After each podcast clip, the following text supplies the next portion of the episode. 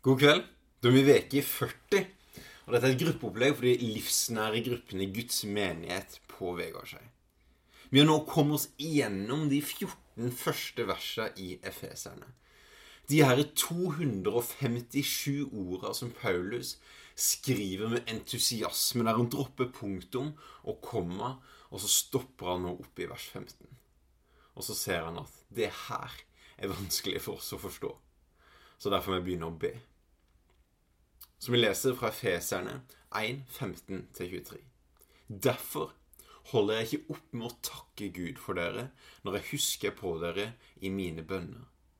For når jeg har hørt om deres tro på Herren Jesus og deres kjærlighet til alle de hellige, og jeg ber om at vår Herre Jesu Kristi Gud, herlighetens Far, må la dere få den ånd som gir visdom og åpenbaring, så dere lærer Gud å kjenne. Må Han gi deres lys til hjertets øyne, så dere får innsikt i det håp Han har kalt dere til, hvor rik og herlig Hans arv er for de hellige, og hvor overveldende Hans kraft er hos oss som tror. Med denne veldige makt og styrke reiste han Kristus opp fra de døde og satte han ved sin høyre hånd i himmelen. Og over alle makter og åndskrefter, over alt velde og herredømme, over alle navn som nevnes kan, ikke bare i denne tid, men også i den kommende, alt lands under hans føtter. Og ham, hodet over alle ting, ga han til kirka, som er Kristi kropp, som fyller alt i alle. Paulus begynner å be. La oss gå til Markus 1,35.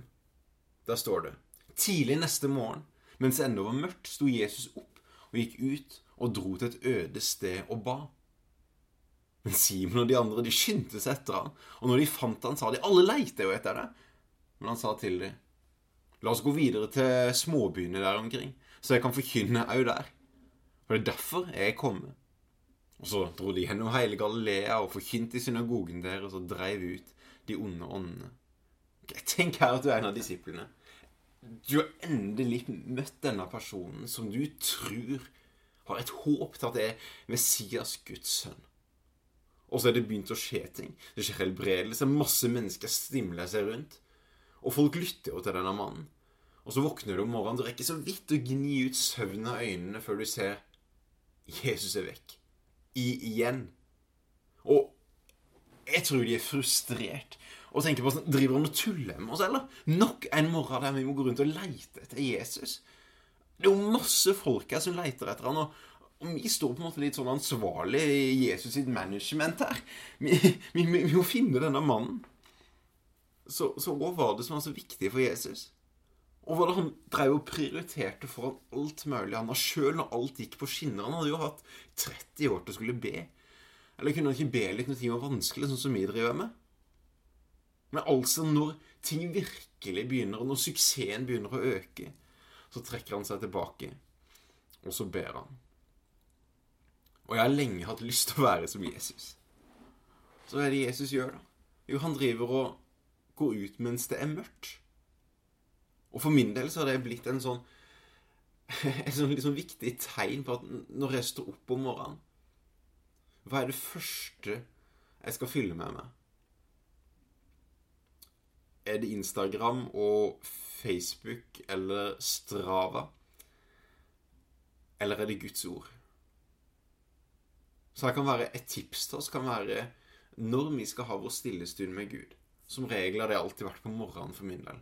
Akkurat i høst så ser rutinen litt annerledes ut. Så det er ikke noen sånn fasit på at, på at sånn må du være. Men det er noe med denne herre Hva er det som fyller oss? Så hvis du kan ha mulighet til å gjøre det om morgenen, så tror jeg det er en styrke. Og der du står opp av senga, du går forbi telefonen, du går forbi de andre tinga på veien. Kanskje du til og med lar være å slå på lyset. Og først når du kommer til stolen og Bibelen, og der du har fellesskap med Gud, så slår du på lyset. Så mens det ennå er mørkt, så finner du det som er viktigst. Og la det være det som metter deg. Og nummer to her er at Jesus er aleine. Når Jesus lærer oss å be, skal vi ikke være som fariseeren som står og ramser opp ting for å bli sett av folk. Men de skal gå inn på lønnkammeret vårt og lukke døra våre. De sterke liva, de sterke kristenliva, er bare et ytre resultat av at du har et sterkt indre kristenliv. At du har et sterkt indre bønneliv. Et sterkt liv der ingen andre ser deg. Og så ser vi av Jesus at når han møter disiplene, så sier han at ja, La oss gå videre til småbyene rundt her, så jeg kan forkynne også der, for det er derfor jeg kommer. Når vi bruker tid med Gud, så tror jeg det gir oss retning på hvordan vi skal bruke dagen. Og så gir det oss en hensikt på at vi husker igjen på at det er derfor jeg er her. Jeg har denne jobben, jeg har de tingene, jeg har denne familien. Men jeg er her for å vise Jesus. Det er derfor jeg er kommet. Ok, Så da, da, kan vi bli inspirert av Jesus da på hvordan eh, På at vi skal be. Og så kan vi kanskje gå tilbake til efeserne, til hvordan vi skal be. Og her lærer Paulus oss akkurat som Jesus drev med her, at han ber sjøl om ting er bra. Det er lenge siden han har vært i Efesos-menigheten, men, han har hørt rykter om at øy, troa på Jesus har økt, og kjærligheten til de hellige har økt. Det er de to tingene Paulus bryr seg mest om, og det er bra. Så han ber sjøl om ting er bra. Vi har kanskje en tendens til å be mer når ting er vanskelig. Og nummer to er at han ber om en ånd som gir visdom og åpenbaring. Og hva er egentlig Den hellige ånd? Jo, det er jo Jesus sitt personlige nærvær i oss. Og Paulus ber ikke om konkrete ting. Han ber ikke om at og nå må de få seg et menighetshus, nå må de få seg en ny ungdomsarbeid, nå må, de, nå må den eh, personen som har slitt med dårlig helse lenge, bli frisk. Nå må Han ber ikke om omstendigheter. Han ber om at Jesus' personlige nærvær skal være med dem i alle omstendigheter, sånn at de kan reagere som Jesus ville reagert. Sånn at de kan ha Guds tankegang for hvordan ting skal løses. Sånn at de kan be Guds bønner i sine utfordringer, sånn at de kan bli sterke. Han ber mer om at de skal få karakter enn komfort. Nummer tre er at de må, de må lære Gud å kjenne. Vi leser ut fra fra bøndene her om at de må få denne ånden med visdom og åpenbaring. Men hvorfor? Jo, sånn at de kan komme til kjennskap til Gud. Og hver torsdag så er jo Else med å lede bønnemøter her i menigheten. Og det er et tema som har gått igjen fra vi begynte de bønnemøtene etter jul. Og når det er ting som går igjen på bønnemøter, når vi opplever at mange mennesker har dette på hjertet, og vi opplever at Den hellige ånd minner oss på det, så tror jeg kanskje det kan være et tips om hva Gud har lyst til å gjøre på Vegårshei. Og det er nettopp det her som stadig kommer opp. Det er at de som er kristne på Vegårshei, må våkne til det indre bønnelivet. Til det indre relasjonen med Gud, som vil lære Gud å kjenne. Ikke at vi skal bli for større tjenester, en flottere menighet. Nei, at hver enkelt som bekjenner Jesus som Herre, må vokse opp, vekkes opp og våkne til dette herre indre Jesuslivet, kjennskapen til Gud. Det, det er kristenlivet som ingen andre ser. Og denne kjennskapen ber Paulus om at skal lede til innsikt og innsikt i tre ting. Innsikt i det håp som vi er kalt til, hvor rik og herlig hans arv er for de hellige, og overveldende hans kraft er for oss som tror. Så håp, arv og kraft. Og jeg vil stoppe opp med ordet kraft. For det her er blitt misforstått i mange settinger. Der det er veldig mange som avfeier det pga. dette er noe skummelt og noen bare tar tak i det som at dette er en sånn kraft, det er et sånn herlighetsevangelium, der jeg skal lede meg fra seier til seier og gi meg makt og styrke. Og det gir bare at vi blir stolte, og ledere som kanskje går rundt og tenker at ingen motstand skal møte oss, og alle skal innrette seg etter oss, for jeg har fått kraft. altså at vi skal bli en leder, en influenser for Jesus. og Kanskje han kaller noen til det, men det er ikke det som menes her. For Paulus er enormt kjapp til å forklare hvilken kraft det her er snakk om. Han sier da i vers 20 med denne veldige makt og styrke Ser du på det greske, så blandes det med kraft, makt og styrke veldig sammen. Så altså med denne veldige makt og styrke reiste han Kristus opp fra de døde. Oi. Det er altså en Guds rike snudd opp ned, eller denne verden snudd opp ned-type kraft. Altså det er den kraften som gjør døde ting levende. Den kraften som fikk du fra å være fanga av synd, som leder til død, til å bli levende i Kristus. Det er denne kraften som får deg til å knele for Gud og innrømme at 'jeg når ikke opp'. Jeg kan ikke gjøre meg fortjent til det. Jeg fortjener ingenting av det du kom for, Jesus. Men jeg ydmyker meg, for jeg ser at du har gitt meg nåde. Det er den kraften som ydmyker oss. Det er den kraften som fikk Jesus å se at det var ikke et rov å bli menneskelik. Å ta på seg vår synd og gi livet sitt for oss. Det er den kraften. Det er den kraften som får oss til å, til å ikke stå opp for vår, våre rettigheter når vi blir snakka ned av andre pga. vår tro. Men den kraften som får oss å fortsette å elske dem.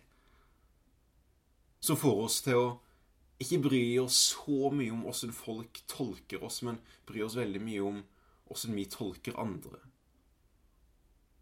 Den kraften som bryr oss om mer om åssen vi elsker andre mennesker, enn åssen andre mennesker elsker oss. Det er den kraften som får deg til å se et større bilde. At om du opplever lidelser og vanskelige ting her i verden, så skal det en gang være en dom som setter allting rett. Det er den kraften som får deg til å holde ut i trengselet. Det er den kraften som gjør at du kan bli fri fra den synd du har slitt med i 20 år. Det er den kraften som får deg til å elske kona di på en sånn måte at du legger ned dine behov for å møte hos sine. Som ikke setter opp dine rettigheter framfor hos sine rettigheter, men som ser at Oi, Kristus la ned sitt liv for å elske kirka, og det er sånn vi er kalt til å leve. Og den kraften trenger vi forbønn for. Og i Guds menighet så ønsker vi at alle livsnære fellesskaper skal ha rom for å be for hverandre til slutt. Og da kan vi kanskje begynne å praktisere det her nå. Og nummer én Det står flere plasser at Gud står ditt stolte imot, med de ydmyke gir han nåde. Så min første oppmuntring til dere i ettermiddag er ydmyk dere. Vær ærlige. Hva er det du trenger, eller dere trenger bønn for? For om ikke vi kan være ærlige med de nære kristne rundt oss, så tror jeg vi lukker oss for Guds nåde. Og nummer to Be om at Ånden skal lede oss til relasjon med Jesus og innsikt i det han har gitt oss. Vi kan be om masse forskjellige ting, men husk å be for hverandre om at det må føre til relasjon. Og så innsikt i det vi faktisk har fått, så ikke det bare er en relasjon der vi ikke kjenner den vi har relasjon med. Og helt enkelt forklart så handler det kanskje om at vi må be for hverandres bønneliv.